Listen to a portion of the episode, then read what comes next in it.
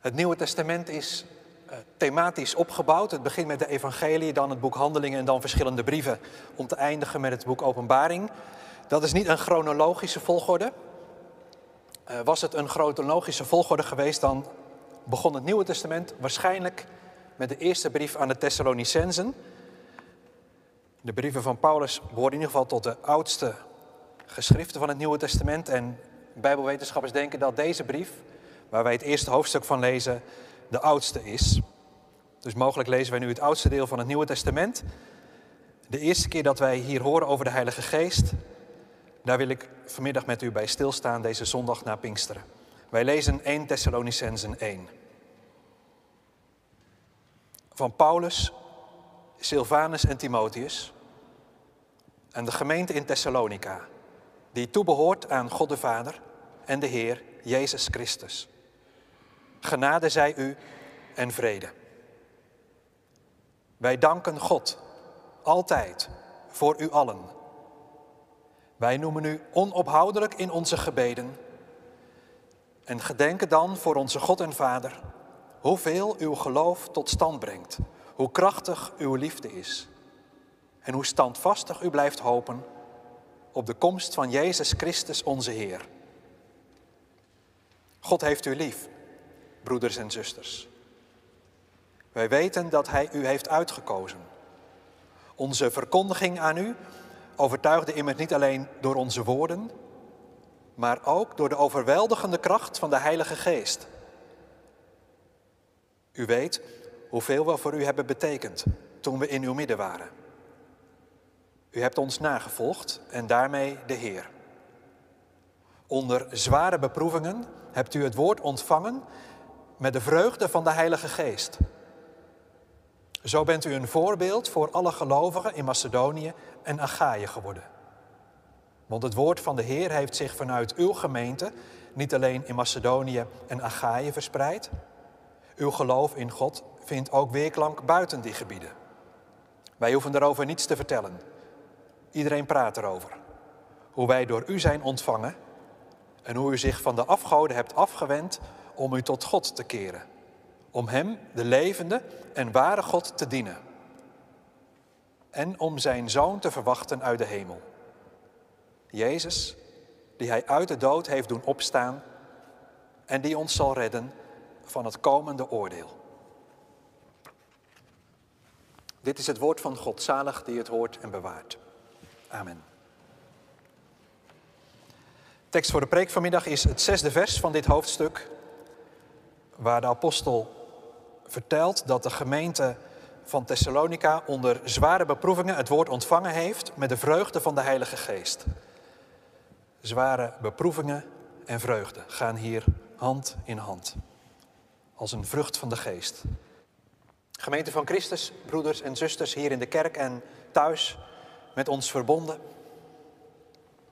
Als ik aan je vraag, waar word je blij van? Waar, waar denk je dan als eerste aan? Ik kan me voorstellen dat je aan het weer denkt. Een prachtige zonovergoten dag, daar hebben we lang naar uitgekeken. Afgelopen weken is er veel regen gevallen en ik vond het koud. En dan is zo'n dag als vandaag en ook gisteren een geschenk waar je van geniet. Je kunt ook blij worden dat er steeds meer ruimte komt voor allerlei dingen. Dat je een terrasje kunt pakken, dat je kunt shoppen en dat de maatregelen steeds meer verruimd worden. Je kunt blij zijn dat het normale ritme weer steeds meer terugkomt. Dat je als je op de middelbare school zit niet langer al die online lessen moet volgen. Dat, op een gegeven moment heb je dat ook helemaal gehad. Dat merk ik thuis bij ons. Je kunt denken aan de vakantie die steeds dichterbij komt waar je naar uitkijkt, waar je blij van wordt. Je kunt blij zijn als je iemand ontmoet met wie het klikt, waarvan je denkt, daar zou ik wel de rest van mijn leven mee willen doorbrengen. Of je bent blij dat je iemand getroffen hebt waar je al zoveel jaren het leven mee deelt. En zo kun je dat rijtje wel een heel stuk nog uitbreiden, denk ik. Er zijn genoeg dingen waar we blij van worden. Past dat evangelie ook in dat rijtje? Is het evangelie ook iets waar je zegt, daar word ik nou heel blij van? Dat is wat Paulus zegt in het gedeelte dat wij gelezen hebben. Hij heeft het over de vreugde van de Heilige Geest. Hij zegt, de Heilige Geest, God brengt je vreugde, brengt je blijdschap. En vanmiddag wil ik met u, met jou daarbij stilstaan hoe dat werkt, wat dat is. En als je de Bijbel leest, valt het op dat dat veel vaker zo voorkomt. Op allerlei momenten komt het naar voren en is het als het ware een rode draad door heel de Bijbel heen, verschillende momenten waarin die blijdschap oplicht. En als je erop let, is dat telkens als er iets verteld wordt over de grote daden van God. Een paar voorbeelden. Al heel snel na de bevrijding uit Egypte en dan na de doortocht door de Rode Zee klinkt er een lied, gezongen door Mirjam, een meeslepend vreugdelied, waarin ze de grote daden van God bezingt. Het bevrijdend handelen. Hoe hij hen bevrijdde uit die slavernij, een ommekeer bracht in hun bestaan. Diezelfde vreugde maakt dat David huppelt en danst voor de ark als hij weer teruggebracht wordt naar Jeruzalem. En als in een andere donkere periode in Israëls geschiedenis de ballingschap het einde daarvan wordt aangekondigd, dan zindert het ook van vreugde. Klim op een hoge berg, vreugde bode Sion, verhef je stem met kracht. En zo kan ik nog wel even doorgaan. Telkens als God handelt, als Hij een ommekeer brengt, beslissend optreedt, ontstaat er een spoor van vreugde. Je ziet dat ook bij Jezus. In Hem handelt God beslissend. Bij Zijn geboorte klinkt er een stem. Ik verkondig u grote blijdschap. De engel zegt het tegen de herders. En aan het eind van datzelfde evangelie hoor je opnieuw over blijdschap. Als Jezus afscheid genomen heeft van zijn leerlingen, dan lees je dat ze hem aanbidden en terugkeren naar Jeruzalem met grote blijdschap. Dat hele evangelie wordt als het ware omsloten door de blijdschap. En die blijdschap is er ook telkens als Jezus in contact komt met mensen. Dat zijn allemaal verschillende mensen, hooggeplaatste mensen, mensen waarop neer wordt gekeken. Maar in die ontmoeting met Hem gebeurt er iets. Waardoor er als het ware een glans over hun leven komt te liggen. Ik denk aan Zacchaeus die veracht werd door het volk. Ik denk aan de Samaritaanse vrouw met wie wat gebeurt. De Romeinse legerofficier. Er komt blijdschap in hun leven.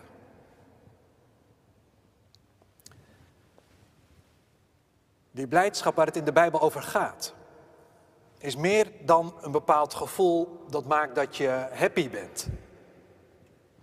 Ik denk dat is misschien wel een van de valkuilen van onze tijd. Dat wij zo gericht zijn op een blij gevoel, op een goed gevoel. Dat is vaak een beslissend criterium als het maar goed voelt.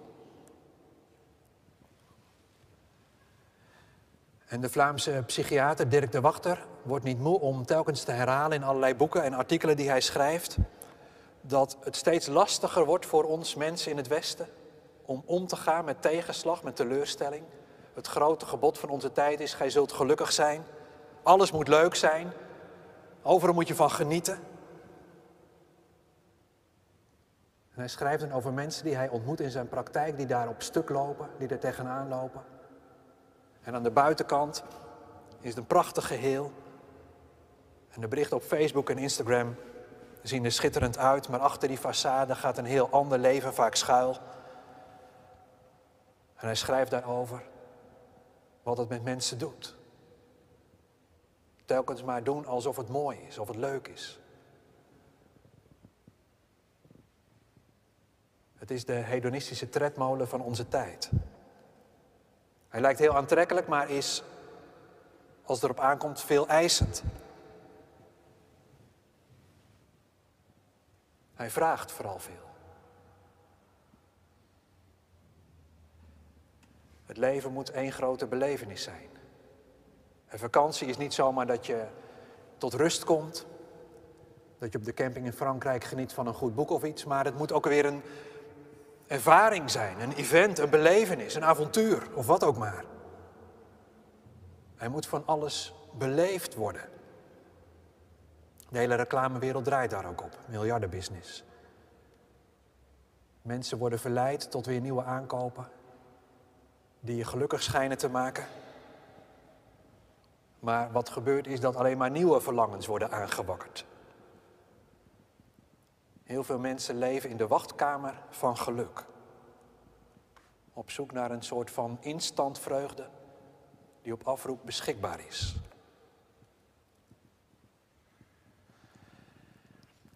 Ik vertel dat niet omdat daarmee mensen maar weg te zetten, want ik herken het zelf ook heel sterk. Ik zit daar middenin en ik denk dat wij daar allemaal wel de verleidingen van voelen. Ik zeg dat wel omdat de vreugde in God, waar het hier in dit gedeelte en waar het vanmiddag over gaat, echt iets anders is. Die stijgt daar bovenuit, die is veel fundamenteler. Dat is een vreugde die niet zomaar verdwijnt als de zon achter de wolken schuil gaat. Het is een vreugde die groter is dan geluk. Geluk gaat over de omstandigheden waarin je verkeert. Het zit je mee of het zit je tegen, je pech of geluk. Maar deze vreugde, waar Paulus het over heeft en waar het in de Bijbel vaker over gaat, die vreugde, die blijdschap, die stijgt daar bovenuit. En de grote vraag is natuurlijk, hoe gaat het met die vreugde als er tegenslag is? Als de dingen in je leven zo anders gaan dan je hoopt.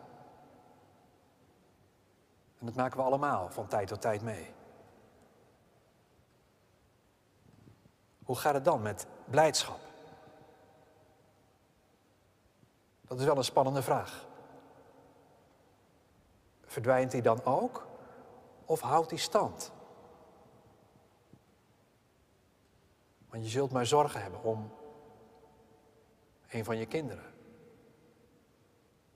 Of juist je ouders. Het zal maar zijn dat je bedrijf onder druk staat of dat er enorme spanningen zijn in je relatie. Het zal maar zo zijn dat er opeens voor je gevoel helemaal uit het niets een ernstige ziekte openbaar komt. Of dat je te maken krijgt met onrecht en de, de, de boosheid en de frustratie daarover. En dat vreet aan je. Hoe gaat het dan met die blijdschap? Houdt die stand? Of brokkelt dat dan ook af? Paulus schrijft erover in dit hoofdstuk, in deze brief. En wat opvalt is dat het een hooggestemd gedeelte is. Hij prijst de gemeente uitbundig, hij dankt God, onophoudelijk, altijd weer, voor allen. Het zijn grote woorden die hij dan gebruikt. Geloof, hoop en liefde gaat het over. Het gaat over deel hebben, verbonden zijn met God. En dat dat iets doet met hen en dat dat ook iets uitstraalt. En dat heeft een hele brede kring, trekt dat. En dat ligt op allerlei momenten op. En ik denk dat hij dat dan uh, samenvat onder dat woord van dat, hij, dat de gemeente deelt in de vreugde van de Heilige Geest. Vreugde is, zou je kunnen zeggen, een vrucht van de Heilige Geest. De geest die gekomen is op het Pinksterfeest, die neergedaald is op de gemeente, die uit de hemel komt en die die blijdschap uit de hemel meegenomen heeft naar hier op aarde. Dus iets van, van de hemel komt op aarde. Iets van de toekomst komt in het hier en nu. Dus die vreugde waar het hier over gaat als vrucht van de geest, dat is meer dan een bepaalde emotie, een gevoel wat je hebt of juist niet, maar het is een geschenk. Het is belangrijk om dat te onderstrepen. Het is een geschenk van de geest. Dat betekent dat dat niet van je karakter afhangt. We weten allemaal, er zijn mensen die van zichzelf heel optimistisch zijn, die fluitend door het leven gaan, waar het glas altijd half vol is of nog wel meer zelfs. Dat heeft natuurlijk met, met, met je karakter te maken. Andere mensen zijn veel, uh, veel ingetogener en misschien ook wel wat, wat somberder gestemd. wij, wij zijn allemaal verschillend daarin. Maar die vreugde waar het hier over gaat, hangt niet van je karakter af. En natuurlijk speelt dat op een bepaalde manier altijd mee. Je karakter bepaalt ook hoe je geloof beleeft. En pessimisme en melancholie zijn mensen als ons niet vreemd. Mij in ieder geval niet. Maar het geeft niet de doorslag. Die vreugde is ook niet het gevolg van een soort uh, voornemen wat je bij jezelf ontwikkelt. Nu zal ik uh, blij gaan worden. Dat werkt helemaal niet. Je raakt alleen maar in jezelf gekeerd. En als ik in mijzelf gekeerd raak, is dat nooit een goed teken. Die blijdschap is een geschenk van God. Die organiseer je niet. Het is ook niet zo dat je dat dan maar domweg moet afwachten in de hoop dat het jou ten deel valt. Die blijdschap heeft te maken met het besef dat God je leven draagt. Dat Hij bij je is, ook als het donker wordt in je leven. En al die dingen die ik net noemde, de zorgen over je baan of je gezondheid of je kinderen of wat ook maar. Dat je daarin niet alleen bent. Dat Hij erbij is. Want er kan van alles gebeuren. En er gebeurt ook van alles in een mensenleven. En soms heb je een situatie, dan spant het erom. En dat je bij jezelf denkt, komt dit goed? En zo ja, hoe dan? Nou, bij, bij, bij alles wat je meemaakt, daaronder zit er een heel bazaal besef. Een vast fundament. En dat is het evangelie van Jezus Christus. Het evangelie dat God zelf in deze wereld gekomen is. Dat Hij deze wereld niet loslaat, dat Hij jou niet loslaat, maar dat Hij met je is. Dat Hij je lief heeft. Dat Hij je kent. Dat Hij naar je omziet. Dat Hij je vergeeft. Dat Hij je genadig is. Dat Hij je leven leidt. En dat je deel hebt aan Hem. En dat er een eeuwige erfenis is die wacht. En dat alles dat blijft, ook in situaties dat je geen idee hebt hoe het verder moet. Dat je weet, mijn leven is gered. En daar kan niemand meer iets aan doen. Dat je dat houvast hebt.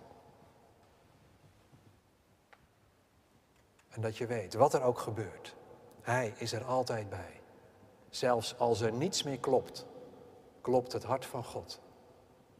Dat is de vreugde waar het hier over gaat. Dat is ook de vreugde bij de Thessalonicenzen. En het valt mij op dat het woord vreugde in één adem genoemd wordt. Met het woord beproeving. Zware beproeving. Een andere vertaling zegt verdrukking. Dat zijn voor ons gevoel twee uh, tegenstrijdige situaties. Je hebt uh, een zware verdrukking of je hebt vreugde. En als het een het is, is het niet het ander. En hier gaan ze hand in hand. Onder zware beproeving, onder zware verdrukking heeft u het woord ontvangen met de vreugde van de Heilige Geest. Natuurlijk niet vreugde vanwege die beproeving en die verdrukking, maar te midden van die beproeving is er vreugde die stand houdt, die het uithoudt te midden van de beproeving en de verdrukking. Die blijft ook als de situatie heftig is.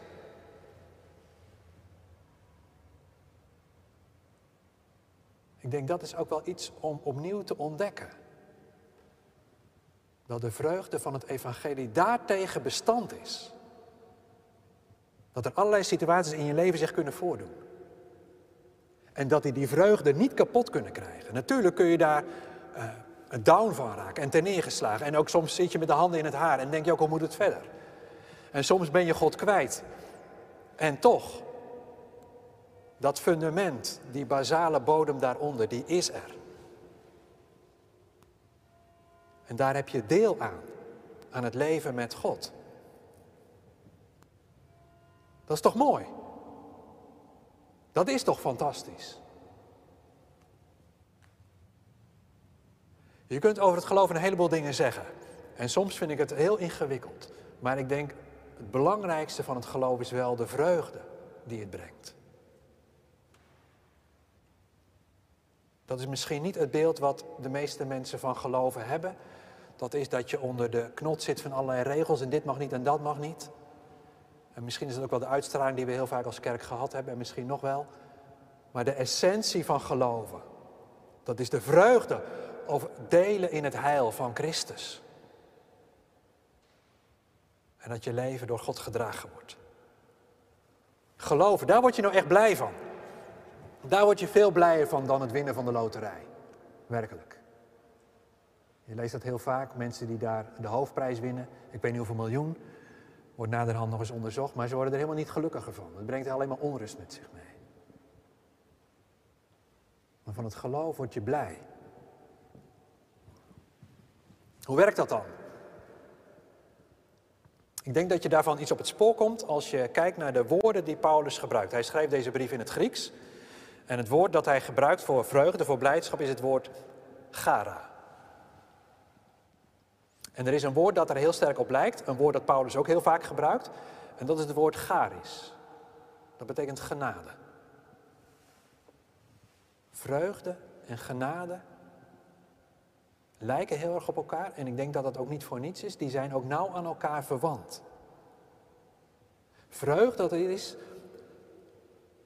die ontstaat als je ogen open gaan voor de genade van God. Als er momenten zijn in je leven dat je denkt, nu heb ik het gewoon echt verprutst. En Heere God zou groot gelijk hebben als hij zegt, daar is de deur. Ik ben er helemaal klaar mee. En dat hij dan tegen je zegt, kom bij mij. Want ik heb je lief. Met een intense liefde. In de Nederlandse geloofsblijden staat een prachtige zin. Deze zin dat niemand ons meer lief heeft dan God. Ook al kent hij je door en door. Dat is nu genade. dat Hij je onvoorwaardelijk lief heeft. En dat Hij je zo keer op keer tegemoet komt. Als je dat gaat zien, dan, dan, dan groeit ook die vreugde over het evangelie. En het leven met God leidt tot een vreugde die je nergens anders zo vindt. Dat is een heel eigensoortige vreugde. Het is een vreugde die het smaak van het eeuwige leven in zich heeft. Het is een vreugde die het lijden aan kan. Een vreugde die ook bestand is tegen verdrukking, beproeving, die zelfs bestand is tegen de dood. Ook de dood maakt daar geen einde aan. Het is een vreugde die je niet hoeft uh, te faken. Het is niet de vluchtige vreugde, de, de, de flinterdunne vreugde van de shiny happy people. Het is niet de blijdschap van eens een keer helemaal lekker uit je dak gaan. Dat eindigt meestal toch in een kater. Maar het is een vreugde die je leven in een ander perspectief zet. Dat was de vreugde die David deed dansen, deed huppelen voor de ark. Uitzinnig van vreugde. Het, het spettert er vanaf. Wij vinden dat al gauw overdreven, maar dat zegt denk ik meer over ons iets dan over wat vreugde met je kan doen. Laten wij dan hier als nuchtere westelingen wat ingetogener zijn. Ik hoop wel dat je iets ervan kent, van, van, van zeg maar een tinteling van binnen. Om het evangelie. Om Jezus Christus, om de drie enige God. Want vreugde brengt iets tot stand. Dat is Heer een huis van vreugde druisen. Dat het als het ware begint te trillen en te schudden. Zoals een stadion begint te trillen en te schudden als iedereen uitzinnig wordt omdat er gescoord is. Nou ja, zo zitten wij hier niet in de kerk of thuis. Maar ik hoop wel dat je er iets van weet. Iets wat onstuitbaar is. En wat er niet alleen maar is als het je voor de wind gaat. Ook bij verdrukking, schrijft Paulus. Nou, dat is wat de geest met je doet. Hij zorgt ervoor dat het evangelie een boodschap van hoop wordt. En blijdschap en vrede. En dat je daarin meegenomen wordt, dat het je hart raakt. En dat de woorden die ik nu tegen je zeg, meer dan gewoon maar wat woorden zijn, maar dat dat, zo bidden we, een instrument wordt waardoor de geest werkt.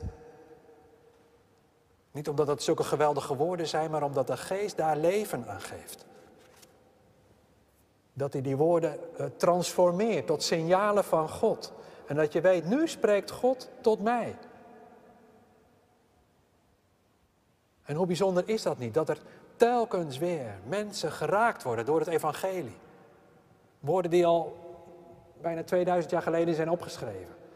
En worden voorgelezen en opeens komt het binnen. Ik denk aan C.S. Lewis. Die als atheïst opgroeide, niks van het geloof moest weten. En als hij daar later op terugblikt, hoe het zo gegaan is in zijn leven, dan schrijft hij, ik, ik werd overvallen door vreugde. Surprised by joy. En telkens weer zijn er van die momenten dat mensen dat meemaken. En die zijn gegeven met het evangelie zelf. Er zit een intrinsieke kracht in het evangelie. Waardoor woorden mensen raken en op een ander spoor zetten. Het dringt door in het hart en het brengt een ommekeer. Een ongekende vreugde tot stand. Tot slot. Dat is dus wat de geest wil doen. Het vuur van de vreugde aanjagen. Hoe werkt dat dan uh, concreet? Ben je dan passief daarin? Nee. Het is je laten meenemen in die beweging. En ik sluit af met een paar uh, praktische aanwijzingen die je misschien kunnen helpen daarbij. Ze helpen mij in ieder geval wel, want ik merk bij mezelf, ik heb het ook telkens nodig om dat weer scherp te houden. Dus ik eindig met een paar praktische uh, aanwijzingen. En ik zou zeggen, doe er je winst mee. En pas het aan aan je eigen situatie wat voor jou werkt. Deze uh, dingen wil ik zeggen. Het eerste gaat over als je ochtends wakker wordt. Wat doe je dan als eerste? Ik heb in mijzelf de neiging, weet ik, dat ik mijn telefoon pak, kijk of er nog berichten zijn, dat ik in mijn agenda kijk, wat moet ik doen deze dag. En uh, voor ik het in de gaten heb, zit ik in een bepaalde modus. En uh, komt er meteen van alles op gang, in beweging. In mijn hoofd schieten ook allerlei dingen te binnen van een mail die ik nog beantwoorden moet. En een appje wat ik nog, waar ik op moet reageren. Uh, en voor je het weet, word je weer meegenomen in de maalstroom van de dagelijkse drukte. En toen heb ik mijzelf voorgenomen, dat lukt me niet elke dag, maar ik probeer het wel, als ik de dag nou eens anders begin. Met dankbaarheid. Dat ik een nieuwe dag ontvang. Dat ik weer nieuwe energie gekregen heb. Dat het weer licht geworden is. Dat God er is. En dat ik er ook mag zijn. En al die dingen die ik moet doen, die komen wel. Maar eerst dit. Het tweede heeft daarmee te maken dat je jezelf oefent in een houding van dankbaarheid. Er wordt in ons land flink gemopperd. Wij leven in een klaagcultuur, terwijl we in een extreem welvarend land wonen. Hoe goed hebben wij het hier niet? Denk alleen maar aan de hele gezondheidszorg, alles wat er uh, mogelijk is. Maar ook de overvloed in allerlei winkels. Wij leven aan de top van de wereld. Leef dan ook wat dankbaarder. En als er een beetje gemopper in je opkomt, slik het weer weg. Uh, probeer vanuit de dankbaarheid te leven. Ik denk dat maakt ook wel verschil in hoe je in het leven staat. In hoe je uh, je werk doet of met uh, vrienden omgaat.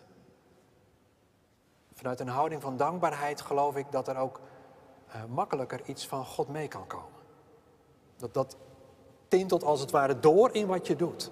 en in wie je bent en hoe je spreekt. Het derde heeft er ook mee te maken, dat is dat wij, ik, ik denk dat onze tijd dat heel erg nodig heeft, dat wij weer leren eh, tevreden te zijn. En dat ook gewoon een keer genoeg is. Te midden van zoveel dolgedraaide levens. Weer terug naar de eenvoud. Het gaat niet om meer en meer en sneller en beter en groter. De tirannie van groei en consumentisme en welvaart en noem alles maar op. Maar de rust en de stilte die wij zo nodig hebben. En dat je de schoonheid van de schepping weer gaat zien. Misschien dat corona ons daarin iets geleerd heeft. Dat een versnelling lager vaak wel beter is. Voor jezelf en ook voor onze samenleving en voor het klimaat. Deze turbulente tijd, deze complexe samenleving, vraagt, ik zou bijna zeggen schreeuwt, om momenten van rust en stilte. En tevredenheid en dankbaarheid. Het laatste wat ik noem is de lofprijzing. Wij, wij, missen dat natuurlijk, dat we niet met elkaar kunnen zingen. Dat vind ik misschien nog wel een van de meest dingen, de meeste dingen die ik het meeste mis in de kerk. Het, het samen zingen. Want juist al zingend kun je komen op de toonhoogte van de dankbaarheid. En zingen is een oefening in vreugde. Soms tegen de klippen op. Zo eindigt Paulus deze brief ook. Zoals bijna altijd eindigt hij zijn brieven met een aantal heel concrete aansporingen. Dat doet hij ook in deze brief. Als ik goed geteld heb, zijn het er zeven. En de eerste daarvan is: wees altijd verheugd. Ik denk dat dat met reden de eerste is. Als je dat doet, volgt de rest vanzelf. Amen.